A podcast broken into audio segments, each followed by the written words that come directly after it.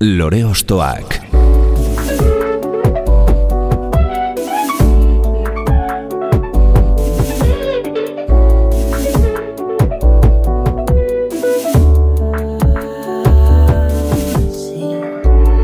Ekain perezek aurkeztuta, gonbidatu bakoitza lore bat balitz bezala ostokatuko dugu. Jakiteko, zeintzuk diren bere lore ostoak. Haupa, zer moduz, ongi etorri lore ostoakera. Gaurkoan, goi mailako piano jole donostiar bat ekarri dugu gurera, bere zirrikitu musikaletan barrena bidaiatzeko asmoz. Mila bederatzen da bostean jaiozen Gipuzkoako hiriburuan eta Donostiako musika kontserbatorioan burutu zituen ikasketak. Beranduago, jazz musika, Bartzelonako taller de musikzen eta Donostian bertan ere ikasiz. Kompositore gisa jazz eta blues estiloetatik ganbera musikarainoko espektroa jorratu izan du eta hainbat kolaborazio ere egin ditu pop bakarlari naiz taldeekin. Esan bezala, bere sorkuntza eta influentziak ezagutuko ditugu atal honetan. Hau, lore ostoak da, eta gaurko gure lorea, Joserra Senperena. Senperena.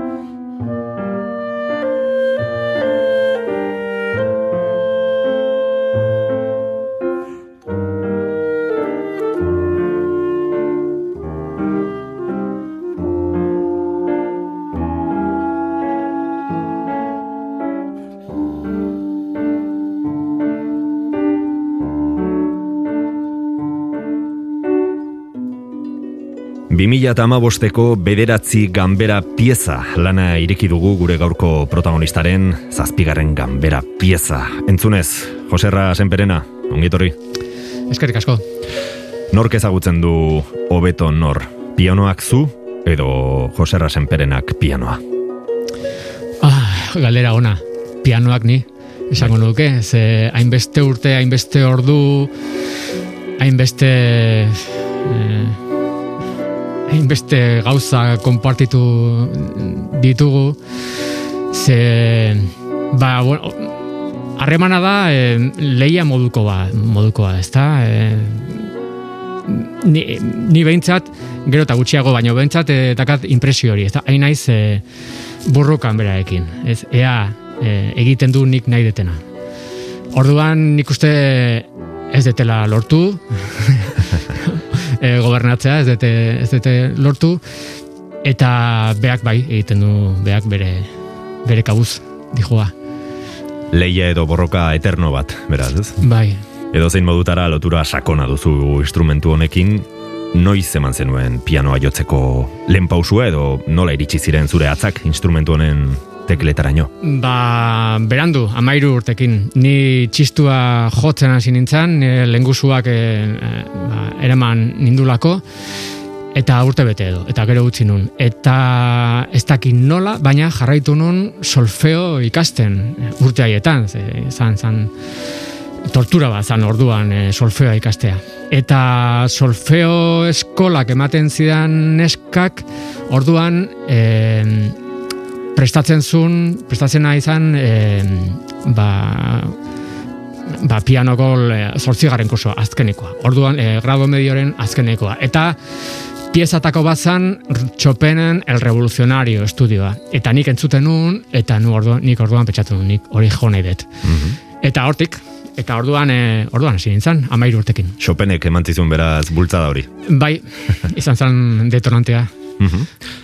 Eta pieza edo lan honetan, e, entzun dugun zazpigarren ganbera piezan, zer transmititu nahi zenuen? Badago asmo edo kontzeptu batatzean edo musikak hitz egiten du bere kabuz? E, musikak e, hitz egiten du bere kabuz, baina oain entzuten nahi nintzen, eta Ba, lotzen dut eh, In the Mood of Love pelikularen eh, entzuten dan musika oso ez dakit norena da. Eta giroa eta da ah, hortik ateratako, ez da? Bueno, harmonia eta doinua ezberdinak dira, baina eh, intentzioa hortik dator. E, hau ezberdina da eta besteak beste konpasa e, sortzikoa dalako. Orduan, e, nola bait, ba, bueno, e, eragin hori ba, nire gana ekarri nun eta eta ba sortziko ritmoan eta beste doinu batekin eta eta pianoarekin zer nik uste musika hartan ez dago pianorik ba bueno sortu nun. Hau eta e, cariño berezia dio ze mm, Koldo Almandozek hartu zuen disko honen lau pieza edo bost pieza bere sipo fantasma filmarako. Eta pieza honekin egin zuen estena bat nun e, pertsonaiak zian e, e, txontxongiloak. Uh -huh. e, ez dakit paperezkoak, e, nahiz akordatzen nola zan. Eta pieza honekin, eta orduan, e, irudi horiek ematen zizkion piezari beste beste ikutsu bat, ez da, e, ez dakit, e, naifagoa edo, eta, bueno, eta, bueno, alde batetik pieza diskoko mm, pieza tako eh, gogonetako bada, pieza gogonetako bada eta bestalde ba koldok egin zion hori ba beste modu batean ikusten lagundu zian. Geigarri bat ematen dio, ez? Hori da. Jose Rasenperen adugu gure gaurko lorea eta petaloz, petalo ostokatuko dugu jarraian. Lore ostoak. Ba, ziko gera e, xabeletekin, xabeletekin, eta bere disko handiaren lehenengo kantuarekin, ni naiz. Mm asko, asko gustatzen zaik, ikaragarri gustatzen zaik xabeleteren iruoitar amargarren amarkadan egin zuen, egin zitun iru diska haiek, e, antxon berde laguntzaz. E, gero gustoko ditut ere geroago egin zituenak, baina nik uste kantu honenak amarka da hortan egin zitula. Eta beak esaten du bere libururen batean, en, en gero en, ba, e, eskenizion Carlos Jimenezi eta e, eskenizion eta Carlosek egiten zituen e, beren lete, e, leteren kantuak, leteren kantuen musikak, Eta aldetek esaten du Carlos e, musikaria hona dala eta kompositorea eta arrazoia du. Eta Carlosek oso kantu onak egin zizkion.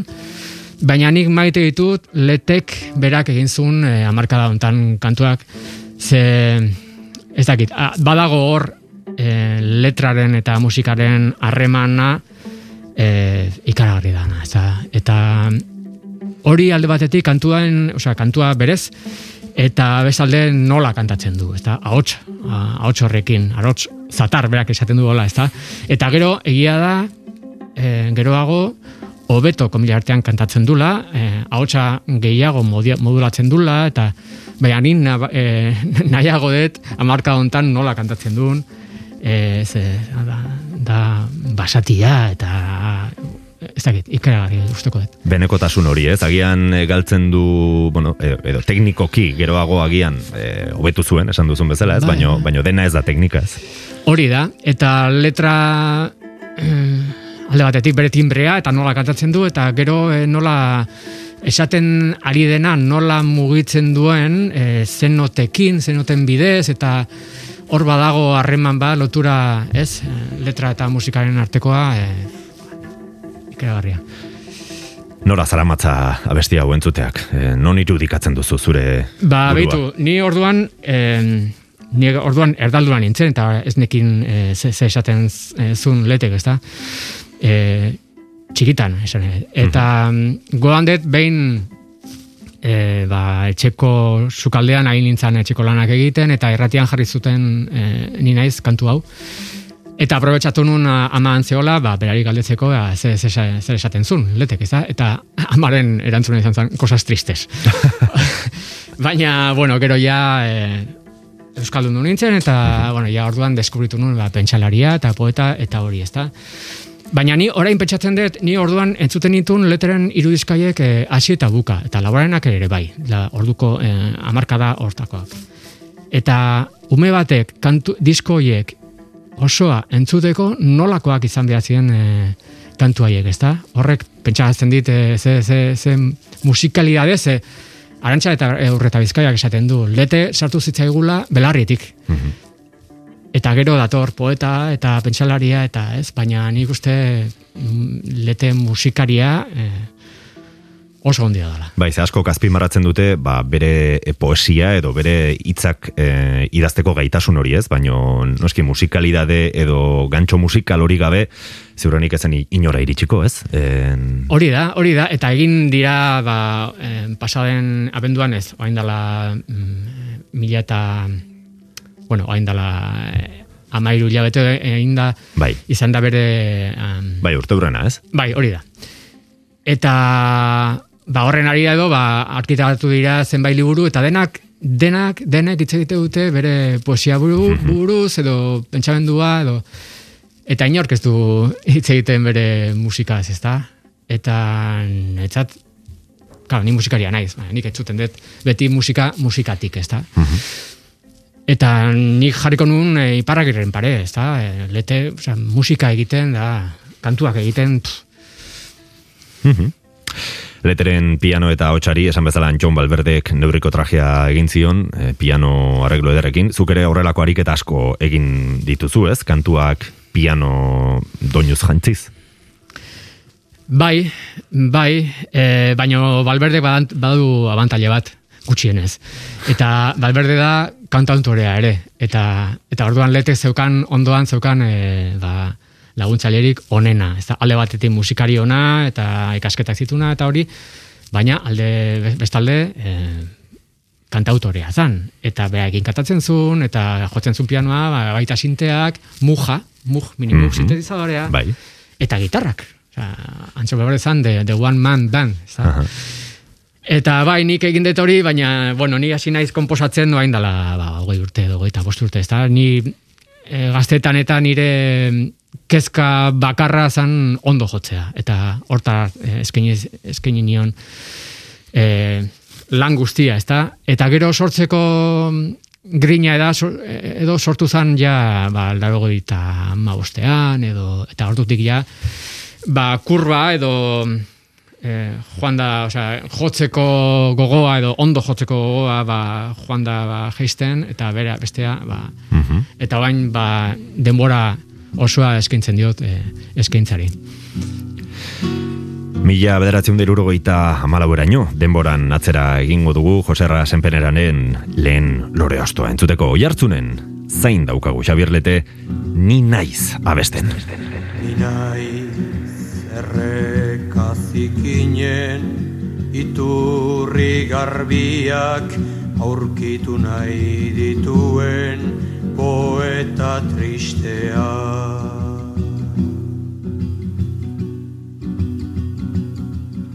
Ni naiz kaletan zehar neguko eguzkitan lanera dijoan gizon bakartia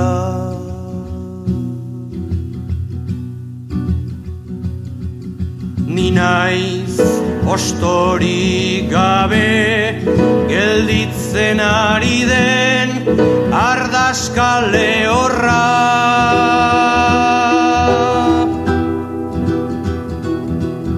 Ni naiz pasio zahar guztiak kiskali nahi dituen bihotzi eskorra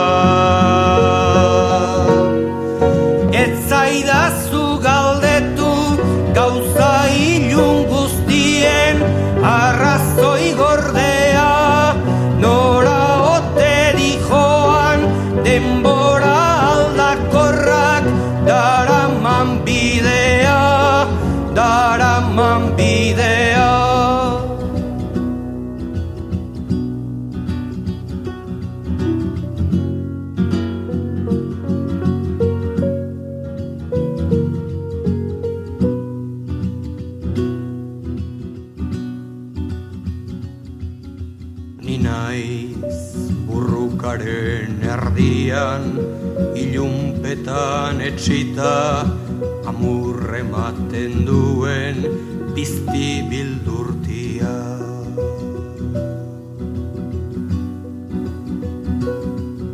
Ni naiz ezer ezetik ies munduaren erdian ezin aurkitutako ametsurrutia.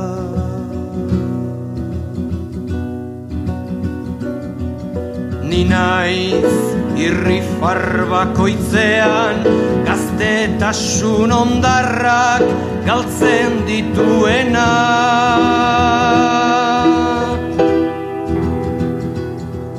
Ni naiz itxasoko aizeak gogorra astintzen dituen lainoen negarra.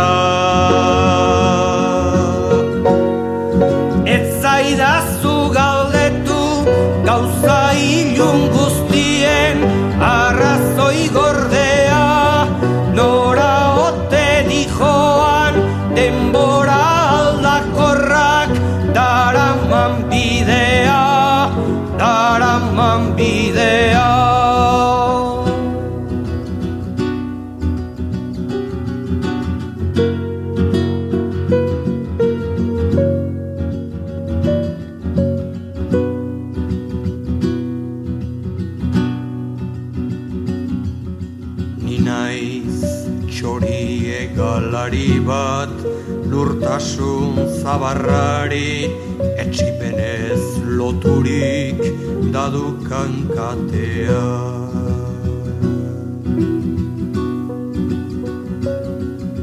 Ni naiz beste asko bezala neguko eguzkitan hotzak hiltzen dagoen gizon bakartia.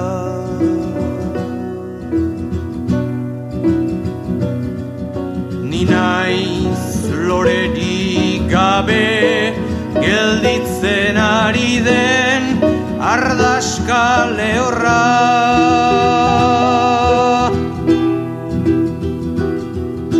Ni naiz pasio zahar guztiak iskali nahi dituen bihotzi eskorra.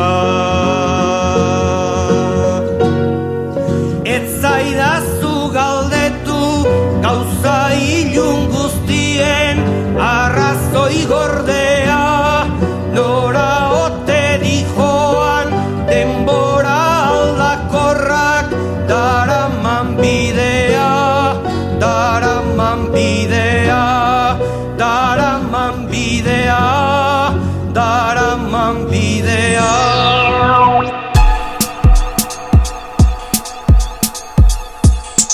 Lore Ostoak.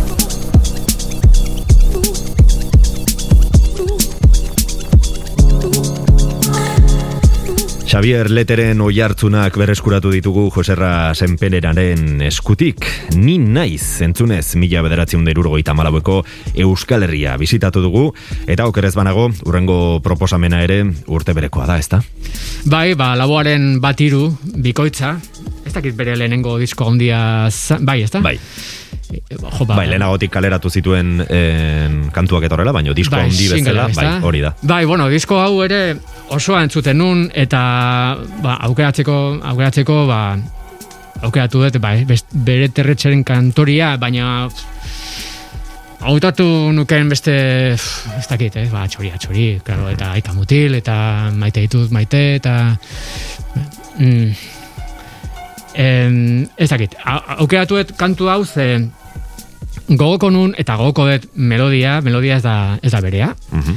da tradizionala, baino melodia nola kantatzen duen eta ze harmonizazio jartzen dion melodiari, hori ere horrek eh, degarria egiten zait, hori de- degarria egiten zait. Eta gero badago, eh, kantua kantu luzea da, eta erdian badago zati instrumental bat. Beak eh, aldatzen du, eh, ritmoa, azten da gitarra beste modu batea, eh, tan, katan, katan, bat, bueno, beste ritmo batean, eta sintetizadore batek egiten du melodia. Mhm. Eta hola, juten da, ba, garatzen, eta gero bueltatzen da. Bai, parentesi moduko bat egiten du, ez? Hori da. Eta ni txikitan oso gustoko nun eh, zati hori ere, instrumentala. Eta gero, eh, bueno, aurrerago, eh, gero dago entzun nun eh, keiarretzen eh, The Call Concert, eh, disko bikoitza ura, txurilla, piano utzez egindakoa, eta disko horren zati eh, famatuena, gero, karo, diario pelikula adibidez agertzen dana, da mm, zati oso melodikoa, oso ba, jarret lirikoena. Eta zati hortan, eh, jarret, jarretek erabiltzen du, lauak erabiltzen du zati instrumentalean eh, harmoniza, eh, harmonia sekuentzia bera. Hau da, la menor sol, adibidez. Eh? Eta nik eh, jarreten zati hori entzun nunean, ba, berehala akordatu nintzen lauarenekin. Eta bitxan du, ostia, eta, karo, sekuentzia hori, sekuentzia horre badaka, hola, eh, botere emo- emozional handia niretzat, ezta? Eta, bueno, gero jarret hasten da improvisatzen eta beste, beste gauzak egite ditu, baita ere eh, jarret en, zati hortan jarritako mm, doinua doinuak eh, antza handia dauka Love Story mm, filmaren eh, musikarekin Mhm. Love Storyen f- musika nahiko oso lirikoa da eta bueno, marra gorrian dago, ezta? Liriko eta ia ia eh, Muga horretan, ez? mugartan, ezta? Baina claro, jarre da hasten da alako zerbait egiten eta gero ja hasten da improvisatzen bere unibertsoan eta Orduan eh, horre beti egin izan dut, eh, bueno, beti, jarreten diskoa deskubritu nuenetik, eh, egin izan dut lotura hori, ezta? Kantu laboraren, laboaren kantuarekin. Mhm. Eta bueno, laboa ere, ba, e, tipo musikari ba, zailka da, ez da, tipo bat egi- egi- egiten dunak halako pop kantuak eta gero egiten du disko hortan adibidez, ba, gabi gai kantu moduko kantua, ez da. Ze nola, nola juten dan e, mutur batetik bestera, ez da, hori da, e, Apurtzaile bat, ez? Bai, bai, bai, bai, eta nola egiten du garrasi, mm, gogoan dut behin ikusi nuen, hori urtekin edo e, Vitorio Eugenian gaiton, eta nire ondoan zeuden, ba, bere, bera zan psikiatra, eta Bai. bere bi edo hiru paziente zian gazteak, eta zian, ez dakit nola esaten dut euskeraz, dismudidos, edo, Bai, bueno, ez? bai, ez gaituak. Hori da. Eta goaz, gogoan dut nola laboa hasi izan en, garrasika, da, pixkana, pixkanaka, eta ni, nire ondoan zegoena hasi izan gerria mugitzen, bere gerria, Aha. gerria ez, en, Bai, gerrikoa. gerrikoa hartatu.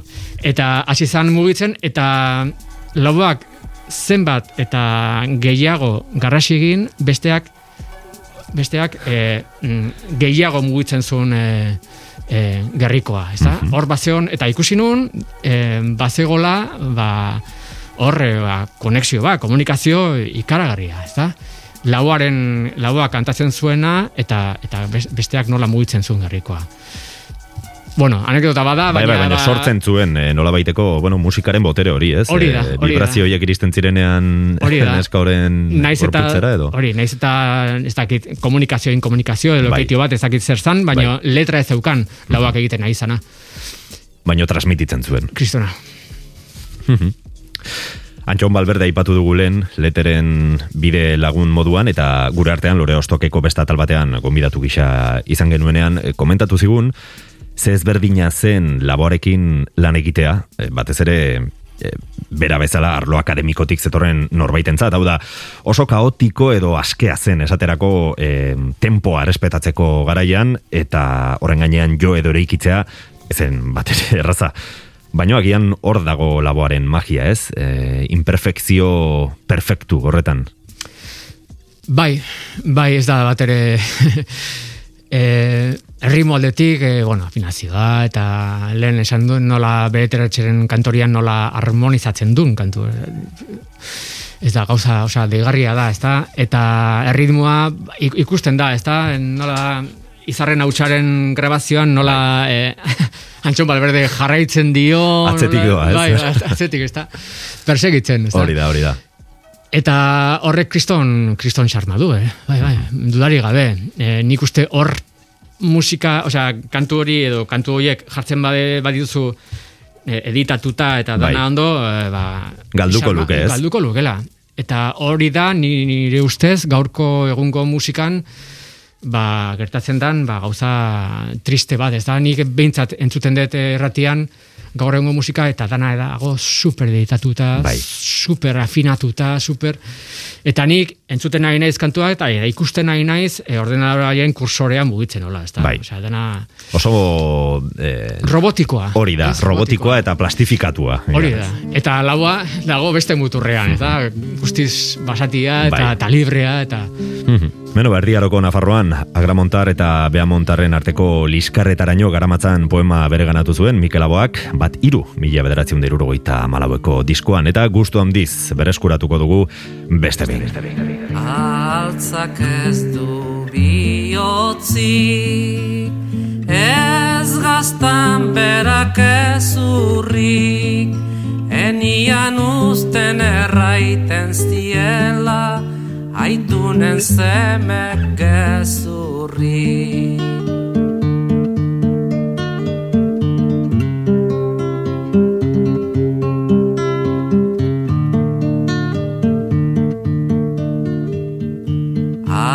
Andozeko ibarra Ala zer ibar luzea Iruretan nebak izaitan Armari gabe bihotza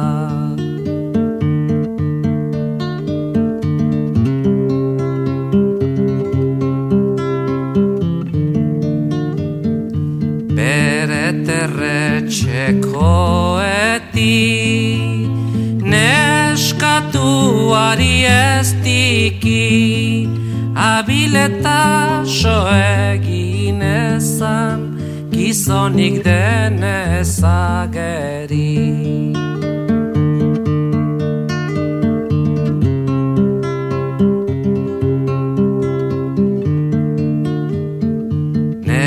Neskatuak berala Ikusi zien bezala Irurdo zen abazabiltzala Porta batetik bestera.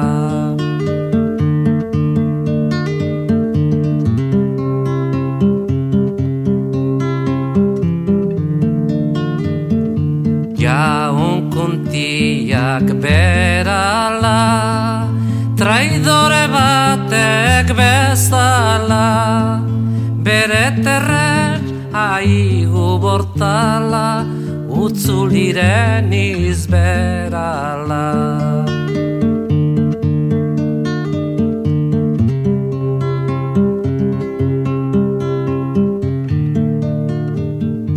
Amainda zutatorra Mentura sekulakoa Bizidenak horituken du Bazko gai erdi ondua.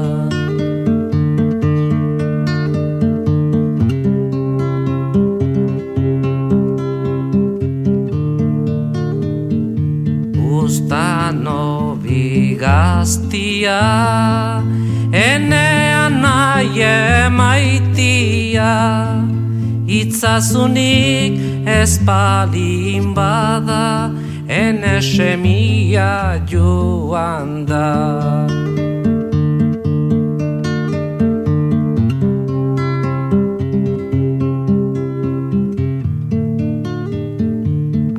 Arrebago isili Ez otoi egin igarri Ire semia bizi bada Maulia ladun joani.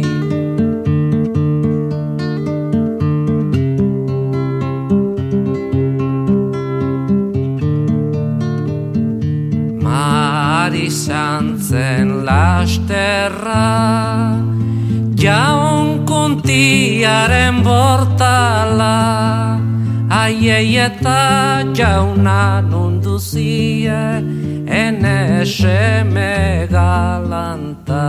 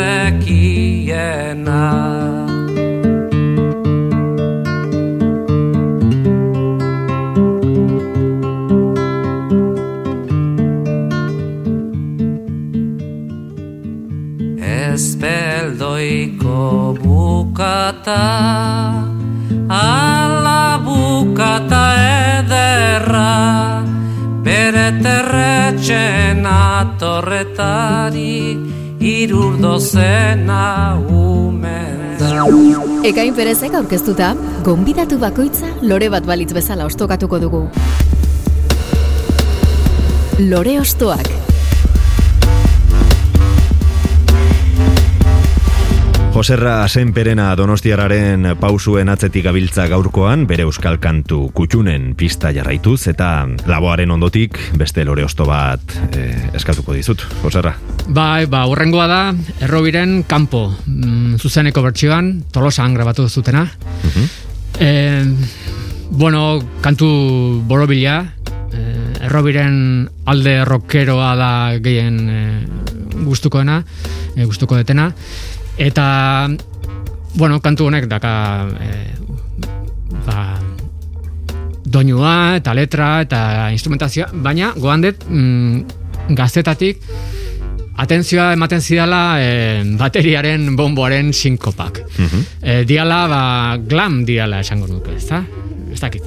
Baina, oain ere entzuten dut, eta, eta em, bueno, asko gustatzen zain, nola sinkopa hoiek, eta usten dute espazio batzuk libre, eta em, bueno, dana tem, tempoa em, gehiegi markatu ordez, ba, sinkopa horiek e, espazioak sortzen dute. Edo impresio hori dakat. Eta, bueno, bestalde, bueno, hor dago, Angie eta Michel, irurogeita emezortzian, edo... Kantua irurogeita amabostekoa da, noski hau, zuzenekoa gero beranduago Bai, hori da. Eta, jode, nola urte haietan nola entzuten da, ezta? Nola jotzen zuten, eta...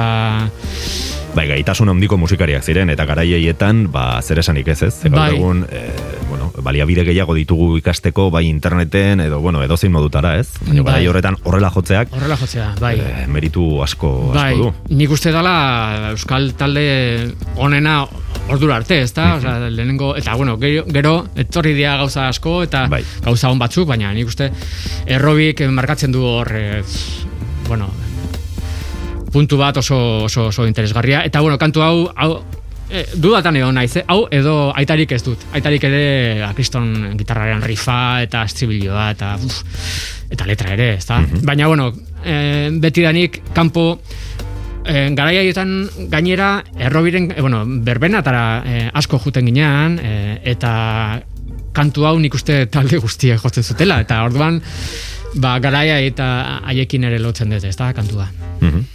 Irurogeita amarreko amarkada erdialdean Europan gori-gorian zegoen musika progresiboaren influentziapean e, sortu zen errobi eta horren gainetik, ba, niko etxartekin batera rock musika Euskal Herrira ekarri zutenak izan ziren nola baitez, hor e, aldaketa handi bat izan zen gure herriarentzat. Bai, mm, e, Robiren kasuan, laugarren diskoa mitxaren bidea, ez da? Izan zen igual experimentala lehena, ez da? Baina gero, batez ere hasieran egiten zituzten nola kantu pop edo baladak gitarra akustikoekin edo kantu rockeroak hola borobilak eta hori da kaso ba, bueno, ni gehien e, gustoko ditu dana. Mhm.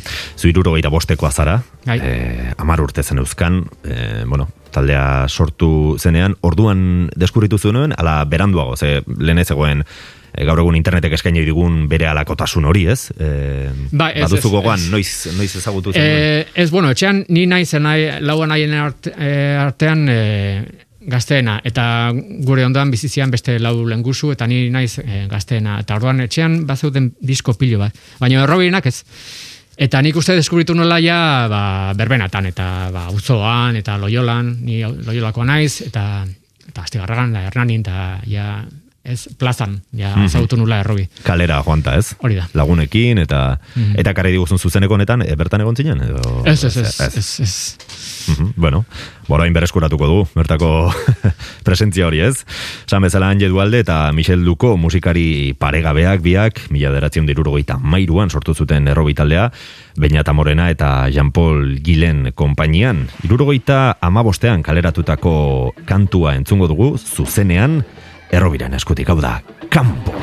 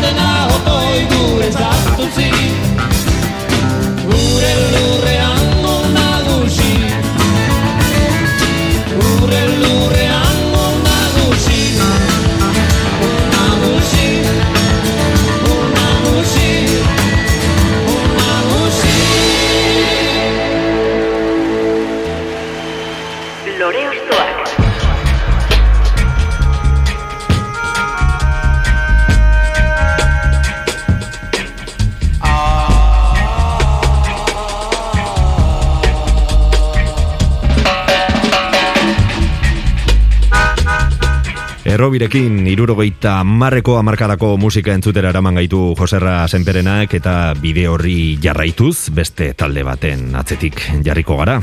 Nora garamatzazu orain. Ba, beste talde bat, itoiz, eta marea gora, marea gora izan zen bere ibil, taldearen ibilbidean, ba, inflexio puntua markatu zuen kantua, ez da, ze ordura arte, bueno, Ezekiel diskoa, lauteliato eta hori dena, eta en, kantu hau entzun nuenean, gogoan dut, e, ba, ba, ezustekoa hartu nula, ez da, e, nola kantatzen zuen, batez ere, ba, soinua ere, e, jamagika, gitarrak eta soinu mo, askoz modernoagoa, Baina batez ere Juan Carlosen kantatzeko era. E, egiten zuen mm, giro erdipunk eh, eman zion bere hautsari, ez da? Eta, bueno, kantu, kantu borobila da, eta, eta gero, bueno, e, gogonat ere, pentsatu nula, bere garaian, e, aurreko musika e, zekil diskoa, lauteliatu, eta hori dena gustoko nula, eta oso ona zala, Eta kantu honekin hasi izan bigarren etapa edo, esan baiteke, ba, etorri zen beste kantu erraldoi batzuk, ez da? Hau, eta egal egiten, eta puf, zakizen bat, ez da? Eta hau izan zen bigarren alde, zati horren lehenengo kantua, ez da?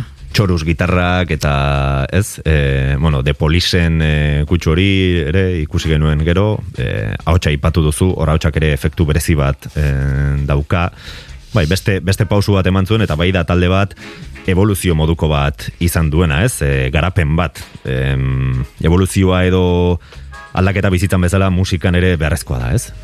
Bai, bai, jo, ni ez, zingo nuke ulertu beste modu batean, ez da? Unean euneko zea, ez da? Eh, claro, itoiz gainera hasi izan eh, rock progresiboaren eh, garaietan Hori da. eta eta gero etorri zian beste garai batzuk eta orduan ba bueno, eh, bueno, moldatu zan garaietan, ez da, garai berrietara Eta bueno, nire bilbidan ba gauza bera egin dut, ez da, momentu bakoitzean, ba, zer eh, mugitzen zaituen, ba, horri begira, eta, bueno, eta horrek markatu du bidea. Mhm, Baiz, oso, oso eklektikoa zara, ez? E, badaude artista asko finkatzen direla estilo konkretu batean, eta bueno, e, hor egonkortzen direla eta gustura daudela, baino ez da zure kasua, e, biztan da.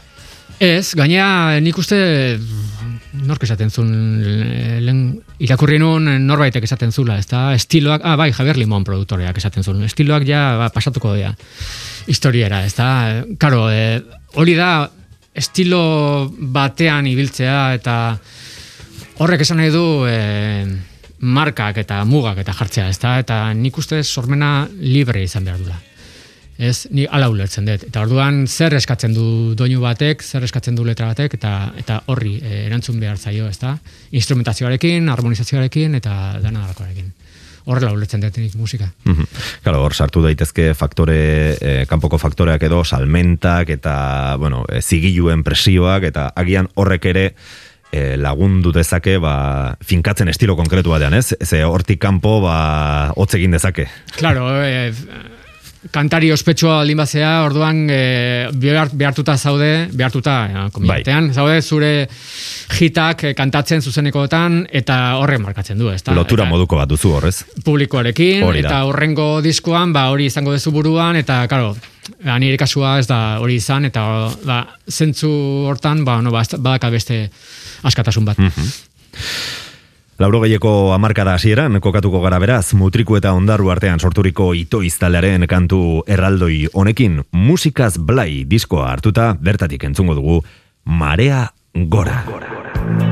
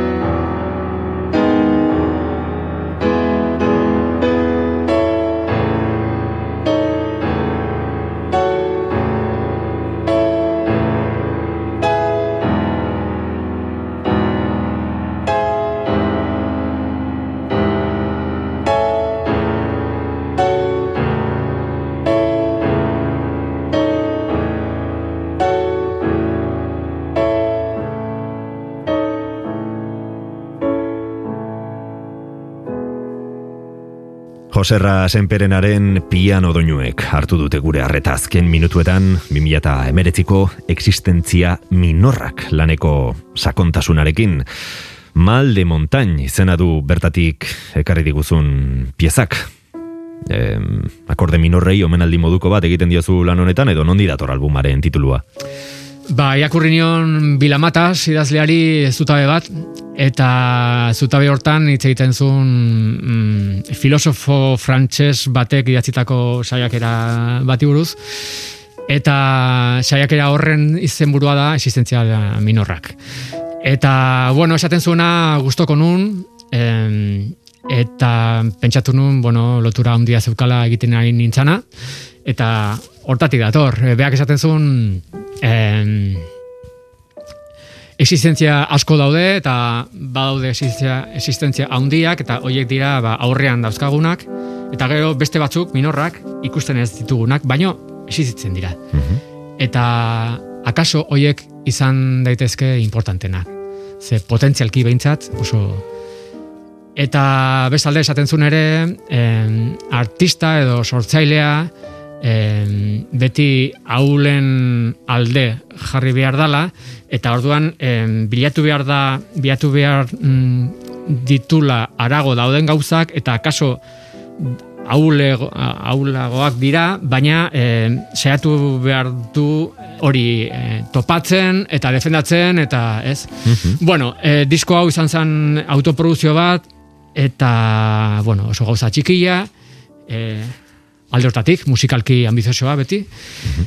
Eta pentsatu nun, ba, hori, e, amasei pieza, ba, amasei existentzia minorrak zirela. Ala ez, etorri zan. Mhm. Impresionismo kutsua dagoela esan genezake? Edo behinik behin hogei garen mende hasierako musikarena? Bai, bai, durai gabe. Kantu hau oso impresionista edo romantikoa dala esango nuke. Badauka hasten da ba, oso modu liriko batean eta erdi aldean eda hartzen du beste intentsidade bat, beste bueno, ilunagoa eta ez, e, atormentagoa, atormentatuagoa. Eta gero bultatzen da, ez, asiako e, ba, saitasun hortara. Bai, en, eh, errematizismoak eh, oso prentsa txarra dula eh, esango nuke, ez da, gauza romantikoa dira, ba, ez, ez dakit. Eta nik erremenikatzen ditut, bai, Mhm. eta mm, eta lirika, eta bai, bai. Eta nola grabatu egin dituzu en, lan hauek? Esan duzu autoproduzitua dela, en, non grabatu zenuen? Ba, disko hau grabatu nun Vitorio Eugeniako klubean, klub salan. E, ze horre ikusia ditut mm, kontzertu pila bat, eta denetarik, e, klasikoa, eta jazz, asko, eta literatura emanaldiak, eta denetik, eta oso oso leku gertua e, suertatzen zaide, ezta? E, eta oso atsegina Mhm. eta bueno, etxe ondoan dago, eta niretzat sala hori da, batzutan esaten dela, ba, ni etxeko e, bigarren saloia bezala, ezta? Ze, oso txikia da, eta akustikaletik oso aproposa ere, mm, proiektu ontarako, piano on badago, Stenway kola handi bat, eta, bueno, eta angratu. Beno, jarrai dezagun, Joserra Senperenaren loreostoen bila. Lore ostoak. Urrengo proposamena, bihartzean taldearen graffiti kantua, eh, Leidor Sessions disko bikoitza dagoena, eta diskorren ba, kantu eh, Osea, beste kantu guztiak grabatuta zeuden beste diskotan, baina hau zan, osea, hau kantu Hor bakarri dago, ez? Bai, ordurako komposatu zuen Imanolek, Imaubedak, eta, bueno, nik uste oso ondo geratu zala, em, eta, bueno, e, ni bidertzanekin hainbat disko grabatu nituen, lagunak ditut, eta nik uste disko, e, kantu hau mm, bereziki borobila, atea zitzaigula, em, e, bueno, eta hori da. Sorkuntza prozesuan beraz parte hartu zenuen, e, zuk ere. Bueno, disko, bai, disko hart, eh, hartarako entsaio, entsaio desente egin genitun, eta saiatu ginen kantuei bueltak ematen, eta ba, moldaketa ezberdinak, eta bueno, beste kantuak beste, beste moduan jotzen saiatu, saiatu ginen, eta kantu hau mm, orduan sortu, sortu zen, eta mm, bueno, nik uste eh, hori, bueno, esan dakoa, borobila geratu zala, nik ustez. Talde lan horretan eroso sentitzen zara edo nahiago duzu bakarka lan egitea? Eh, bakoitza daka bere, bere, bere xarma. Komposatzeko bakarka. Baina oso gustoko dut eh, musikariekin lan egitea. Eta oain nahi ja, oain dela sei urte ja utzi nion eh, biratan eta ibiltzeari. Baina oain ere disfrutatzen dut estudioan kantuak montatzen. Eta momentu hortan, ez dut bere izten kantua nirea dan edo beste batena, ez da? Orduan, sar naiteke talde batekin oain estudio batean, bi aste, bi astetan, eta, eta disfrutatu duten dut, pila bat. E, sormen prozesu hori da, orduan, bueno, gero, claro, sortzeko, ba, bueno, zaila ikusten dute hola, eh, elkarrekin sortzea. Ez da, kantu horren grafitiren kasuan, imak ekarri zuen eh, ja komposatuta, eta gero guk eh, ba, bai, oinarri bat dago eta horren gainean eraikitzen zoaz, ez? forma eman, farme eman genio, ez da? Baina, bueno, akoratu nahi zoain, e, tongo izen, tongo izek kontatzen zuen, e, em, ba, hori, em, kantuaren prozesuaren, prozesuari buruzko e, hausnarketa bat, ez da? Eta beak esaten zuen, onena da, hori, kantu, e, kantuak sortzea. Eta gero, zuzenokoak galetu zioten, zergatik ez zuen, eh, ez zituen eh, zuzenekorik egiten, ez da? Eta beak esatun, eske zuzenekoak egitea da harrikoa bezala, harrik, harrikoa egitea bezala. Zer da, zein da honena? E, ba, hori, ba, idoia badakazu, astentziak gitarrakin edo pianoarekin, forma ematen diozu, gero letra, edo altziz, gero ditzen diezu e, musikariei, gero e, ba, betxazezu amplionekin edo bestearekin, edo jartzi, jarriko diote piano bat, edo ez, edo orkestra bati dituko diot, edo ingeniari honekin edo beste batekin, eta reberra askokin, mm, erabaki asko daude, eta sormen prozesu hori da, dala e, benetan irakargarriena. Eta gero, jotzea publikoatik, ja, kantua bukatu dago. Eta beak esaten zuen, zu dakazu e, afari bat etxean edo bazkari bat etxean zure lagunekin. Eta orduan hasten zea pentsatzen e, zer jarriko dut, zer e, kozinatuko dut. Hori lehenengo gauza eta zoaz, e, merkatura, ikuste duzu arraia edo, e, ez, edo ez. gero nola prestatuko dute arraia. Gero e, ze ardokin, edo ez. Edo, edo- edo sagardokin, edo ez, ez. Eta gero ja datoz lagunak, edo familia, eta disfrutatzen duzu haiekin, eta gero e, bazkalondoa, eta dana, ezta? Eta gero ja lagunak edo familia badoa. Eta orduan ja bukatu da. Eta zer da, geratzen dana, harriko egitea. Da. Eta honena da e, aurreko prozesu hori, ez da? Eta orduan nik e, aurreko prozesu hori nabari, e, e, nahiago dut, eta momentu hortan berdin zait e, em, kantua edo musika nire izatea ala ez. Mhm. Gustatzen zait hori artistei galdetzea beti, ba, zer nahiago duten, ez? En, zuzenekoa, ala e, komposizio edo, bueno, estudioko lana, eta eta gehienok esaten dute, ba, ezin dutela aukeratu, ez? En, batak bestea behar duela, edo e, komplementarioak direla, edo biak beharrezko ikusten dituzela, baino, en, zure kasuan, argi eta garbi ikusten duzu en, Bai, bai, bai. zuzenekoa baino nahiago duzula komposizioa edo edo bueno, sorkuntza prozesua behintzat, ez? Bai, bai, bai, dudari gabe. Egia da ere, nik ez naiz eh, arrakasta hundiko eh, musika, osea, nik ez dakat jite, jitak, eta eh, kontzertu nire izenean oso kontzertu gutxi egin ditu dela, eta publikoak ez du dula ezagutzen. Baina, bueno, eman izan dituzu kontzertuak, ba, kasu honetan bidertzenarekin, eta Bai. egon zara estenatuki gainean, eta jende Bai, baina beti besten eh, kantuak defenditzen, ez da, eta ez da gau- gauza bera. Eh, eh, ni gogoan dut, da, fitokin jotzen genitun, ez dakit zenbat, osea, zenbat lagun, etortzen ziren, Bai. milaka lagun, ez da? Eta jotzen genitun beak, ba, nekatuta zeuka, osea, aspalin eh, komposatutako kantuekin. Bai. Eta hala ere, ikusten nun gauero emozionatzen. Osea, Bai. jendea hasten zan kantatzen, eta bea bakarrik geratzen zan eh, kantu bat eh, publikoarekin, eta bea emozionatuta. Eta naiz eta hor, kantu hortaz Bai. nekatuta izan, E- baina hala erreta ere... dagoen, claro, abestia, ja. Claro, nien naiz hortik pasatu, ez? Orduan ez dakit, eh, zuzeneko nire, zuzeneko bat, eh, jende asko nire, zea, nire musika, ez dakit zer dan. Bai. Orduan, eh, bueno, nire kasuan, eh, bai, sorkuntza eta, eta grabatzea eta konpartitzea, hori oso polita da. Osea, zuk, eh, nik egin dezakete orkestra modaketa bat etxean eta pentsatu dena, eta baina gero zoaz estudiora eta azten zea hori dana manejatzen eta hau gora hau bera eta hori oso polita eta gero musikariek ze proposatzen duten. Hori eh, elkartruke hori ere ez oso, oso polita da. Beno, ba, Joserra Senperena bidertzean taldeko partaide izan zen, esan bezala, eta tolosako lehidor aretoan, eskenitako zuzeneko hartara eramango gaitu, gaur bai, zuzenekoan entzungo bai zaitugu, kasu honetan, hau da, grafiti.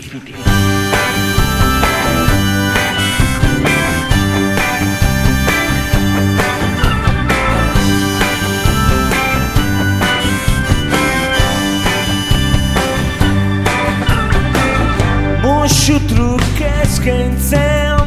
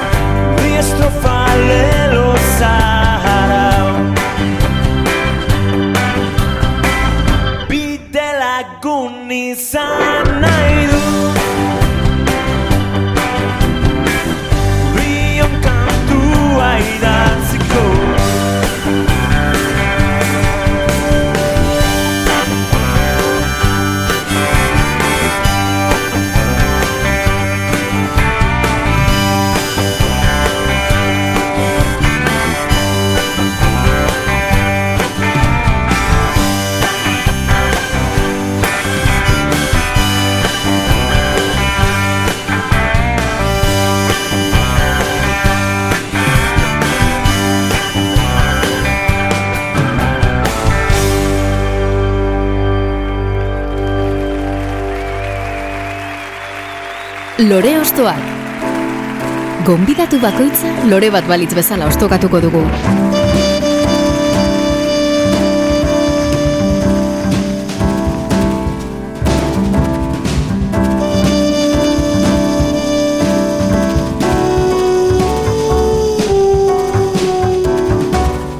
Eta bide ertzeanekin eh, taldean edo elkarlanean jotzea hitz egiten hasita beste elkarlan bat ekarri diguzu orain ez? Bai, kon, kantu kolektibo bat, gure esku dago e, egin zuen kantu bat, Einaute Lorrietak, Kepa Junkerak eta Kirmen Uribek e, komposatu zutenak. Eta, bueno, hori ordurako e, kentzazpiren disko batean parte hartu nun, e, ba, teklatuak eta grabatzen, eta orduan ezagutu nun Einaut. Eta handik e, urtera edo, ba, hitu zidan Angel Baldesek, ba, kantu honen produzioa egiteko.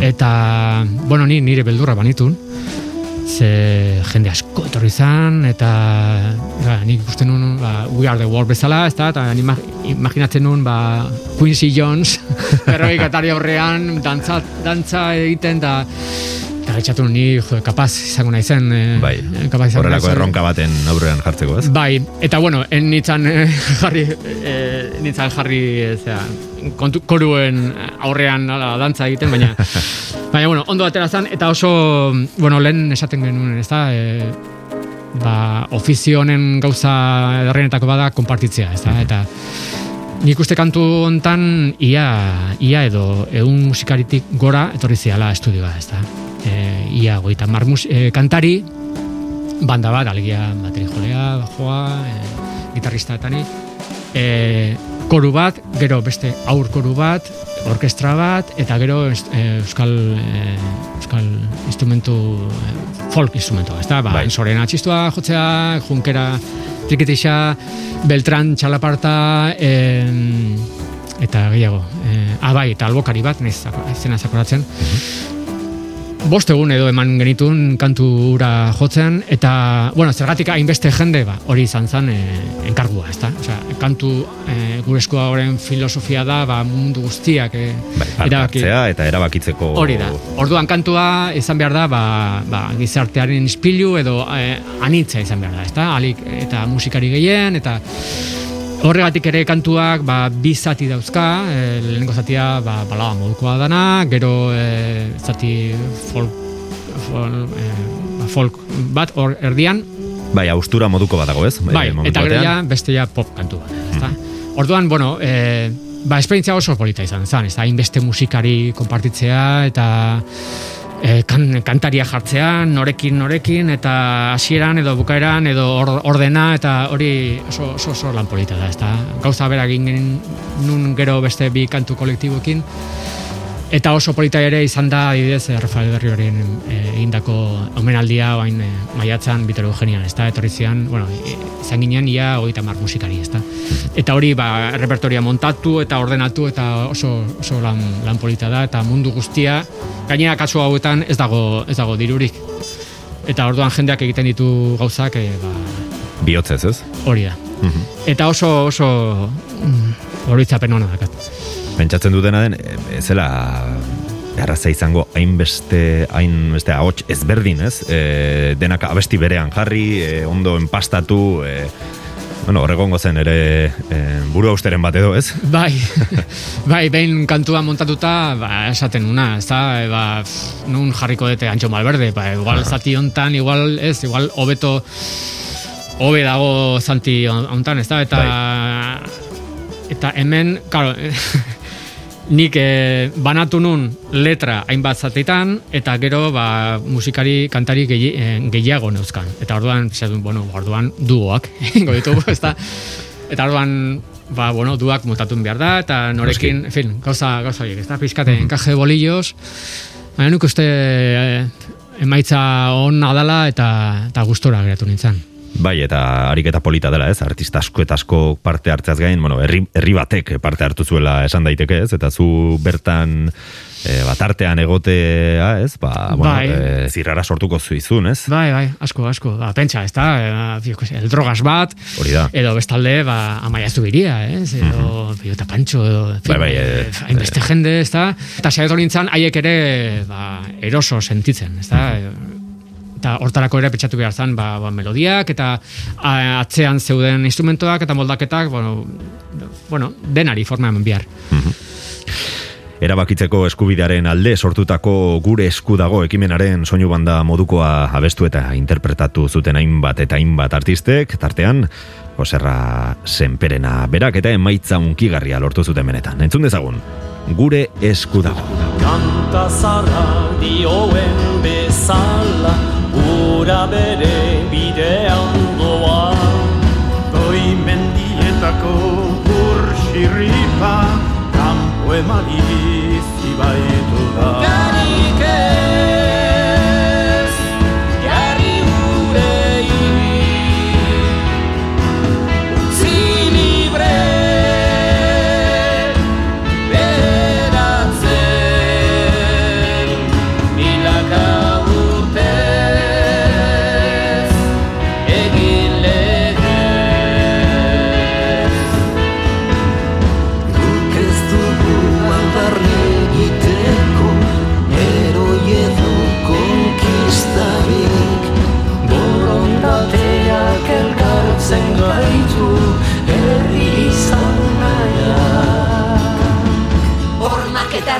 resiak ez ditugu maite. Elkarrekin bizi nahi dugu soilik. Ez dugu beste inor mendean hartu nahi. Etorkizun hautatu ez besterik Hormak eta resiak ez ditugu maite. Elkarrekin bizi nahi dugu soilik. Ez dugu beste inor mendean hartu nahi. Etorkizun hautatu Ardesan bidea gure esku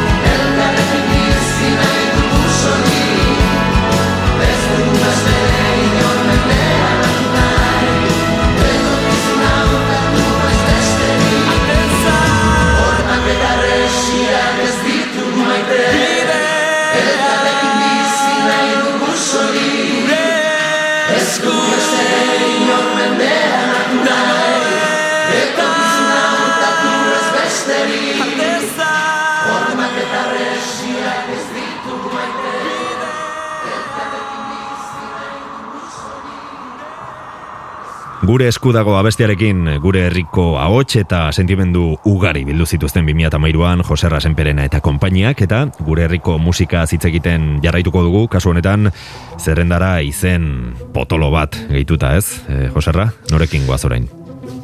Mogiz Gabel, iparraldeko kompositorea.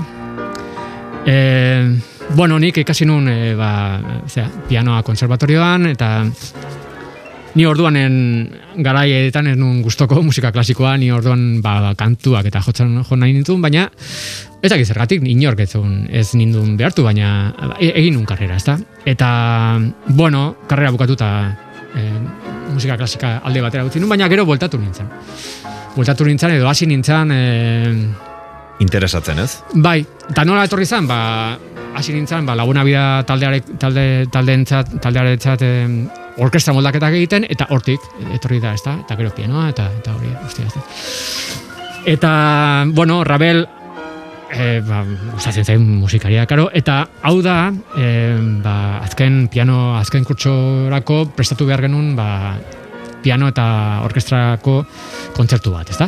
Eskatzen zuten eh, programa. Hainbat obra eta horien artean, ba, piano eta orkestraren orkestrako pista bat. Eta nik hartu nun Rabelena, e, kontzertu hau. Eta, bueno, kontzertu hontan e, ikusten da Rabelen e, impresionismoa lehen aipatu deguna, eta, bueno, e, jazz eragina, blues eragina, eta gero, entzute duzu kontzertu hau, eta, eta ematen du ere, film baten e, musika, ezta? E, batez ere lehenengo eta hirugarren e, mugimendutan nola ba, efektuak eta ritmo aldaketak eta kolore asko daude, timbre asko, gauza asko gertatzen dira eta gero erdian dago ba, bigarren momentu zoragarri hori eta ez dut aurkitu bigarren men- mugimendua ba, gure ze, hautaketa orekatzeko eta hirugarrena entzungo dugu baina pia, e, kontzertu e, benetan ikaragarria irutzen zait.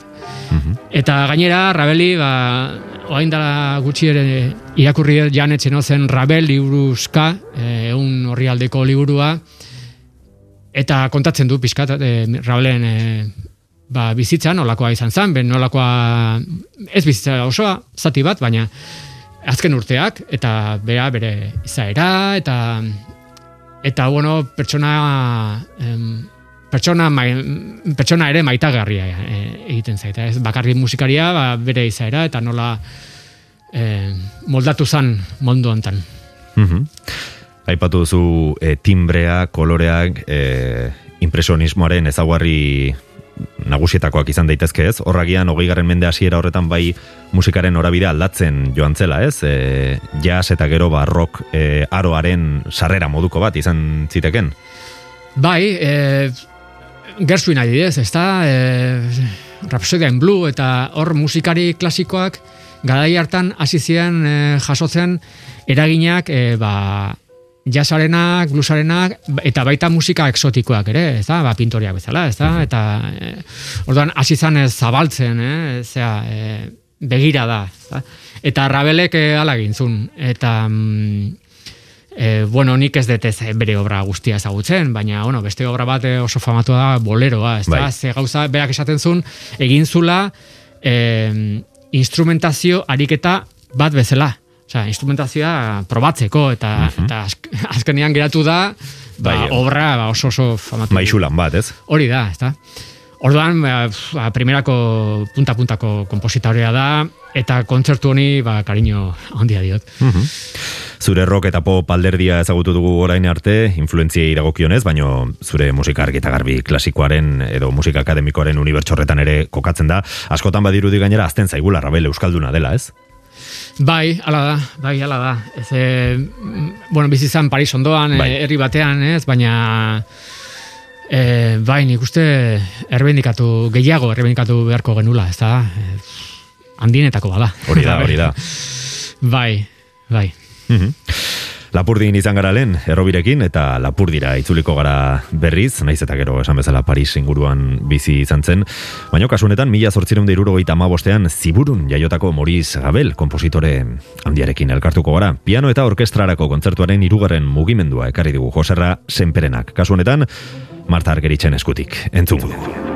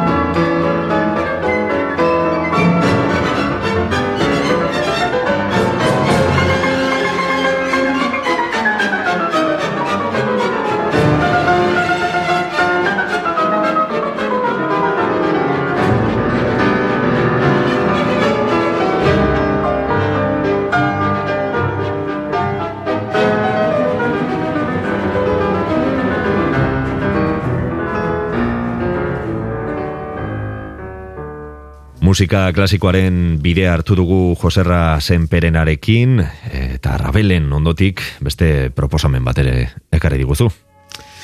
Aita donostiaren bat batian improvisazion parentesi artean jartzen du. Bai. Bai. nola, nola zan e, jatorrian. E, bai, bueno, aita donostiak baduka eh, ez dut ondo ezagutzen bere obra, baina pianorako obra, bueno, pixka bat ezagutzen dut, Eta gogoan dut, eh, nire azkeneko jiratan e, hotelera juten nintzala, eta siesta egiteko jartzen nula diskoa.